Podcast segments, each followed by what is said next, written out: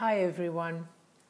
Welcome to this audio, which is about listening, not with your ears, but with your heart. Ever been chatting with someone and before you can finish your sentence, you're interrupted, or they finish your sentence for you? Or from the moment you open your mouth, they're distracted by a WhatsApp message, or they look at their watch, and the common automatic nodding, or uh huh while you know they haven't heard or processed anything of what you were saying. Such conversations leave people feeling unheard and unimportant, yet we all experience them, and even worse, we too are guilty of doing it on a regular basis. Especially in these difficult times, it's so important that we stop listen more deeply to people. My name is Mia van Steenwinkel, and this audio is one in a series on cocooning smart for students. It's for you to use in this time of self isolation, this time of cocooning, in such a way that you and people around you don't feel alone. We all know the cliche we have two ears and one mouth, and that's for a good reason, and the cliche is absolutely very valid. But personally, I, I believe that if we really, really listen, we don't listen with our ears, but with our heart. What do I mean by that? Well, I have a story for you which illustrates that. It's a story which I found several years ago in a blog from Bliss uh, Business, and it's a great testimony uh, to uh, the power of listening. Here we go. Decades ago, the editors of Psychology Today magazine staged an experiment to establish the effects of listening and asking easy, probing questions. Staff members flew to LA from New York. The editor flew in later with the intention of meeting his seatmate and getting to know him on the five hours flight. For the duration of the flight, the Psychology Today editor asked questions and listened. He asked more questions based on what he felt his seatmate wanted to talk more about and avoided areas he felt he didn't.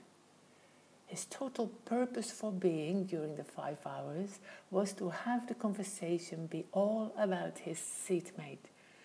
Throughout the flight, the seatmate never asked anything about the editor, not even his name. And as the seatmate disembarked the plane, the staff for Psychology Today was there to interview him.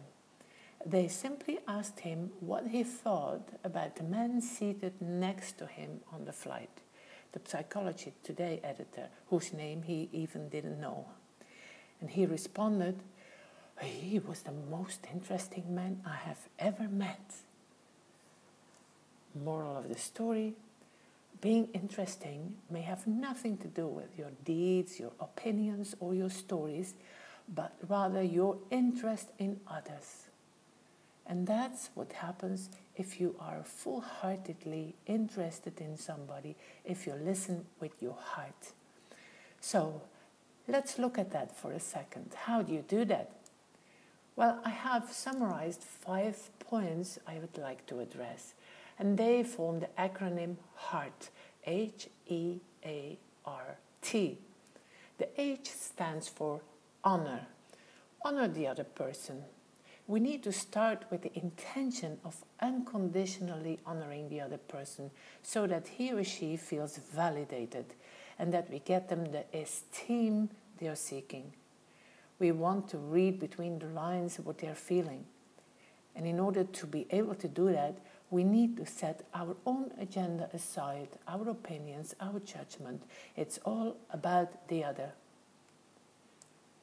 E is for enable. Enable them to feel safe. When you are able to let the other pe- person feel safe, they will open themselves up to speak more freely. How do we do that? By putting ourselves first into a calm state and when we are calm, they will feel calm. they will feel safe and open. Besides, did you know that when you're calm, you literally hear better? The A is for acknowledge. Acknowledge with respect that the other is speaking. Don't interrupt, don't get distracted, don't offer solutions, just listen. Good listeners acknowledge the speaker by giving them uh, their undivided attention, by being fully present. The R is for rapport. Rapport is being on the same wavelength with each other, being aligned, being connected. If you're not on the same wavelength, not tuned in, you are not really hearing well. It's like getting a poor radio signal. And when two people are in rapport, in alignment, they naturally have the same posture, they kind of move and even breathe in a similar way. The language they use and how they say things are similar. Their tone of voice, and one of the most obvious and maybe one of the most important indications that they're in rapport is regular eye contact. Not continuously, but regularly. You watch two people in a conversation, and if they don't make eye contact at all, there's no rapport, and therefore not a real conversation. The T is for take it further. Sometimes a conversation simply dies after a reply. Great communicators, though, have the art of taking the conversation further. An excellent way to do that is by asking questions that you feel the other person would like to talk more about. Such questions will build on what's been said and they make the other person feel that you are truly interested. When you do that, the person will feel heard and valued. And it's in this phase of the conversation, through some of these questions, that you could, but very subtly, very indirectly, open up a spectrum of possibilities and weave in a suggestion or two, always making sure you keep good rapport. Now, I have one more tip for you. It's a bonus tip. This tip adds the letter S to heart, so that heart becomes hearts. It's the S for summarize. Summarize what you just heard, what the message was that this per- person was trying to convey to you, and ask them if this is what they mean. So, listening with, the, with your heart means H, honoring, having the intention of unconditionally honoring the other. E, enabling the other person to feel safe and calm by putting yourself first in a calm state. A, for attention, acknowledging the speaker by giving your undivided attention, no interruptions, no solutions. R, keeping good rapport staying tuned in at the same wavelength, for example, at least by having eye contact. T, taking it further by asking questions about what you feel the other would like to talk more about. And S, by summarizing the other person's needs, the person will feel really understood. One heart uh, will become two hearts connected. Heart becomes hearts. Listening with your heart really means listening with a warm hearted intention to understand the other person. Listening with the heart will deepen any relationship, whether at university, in business meetings, or in personal life.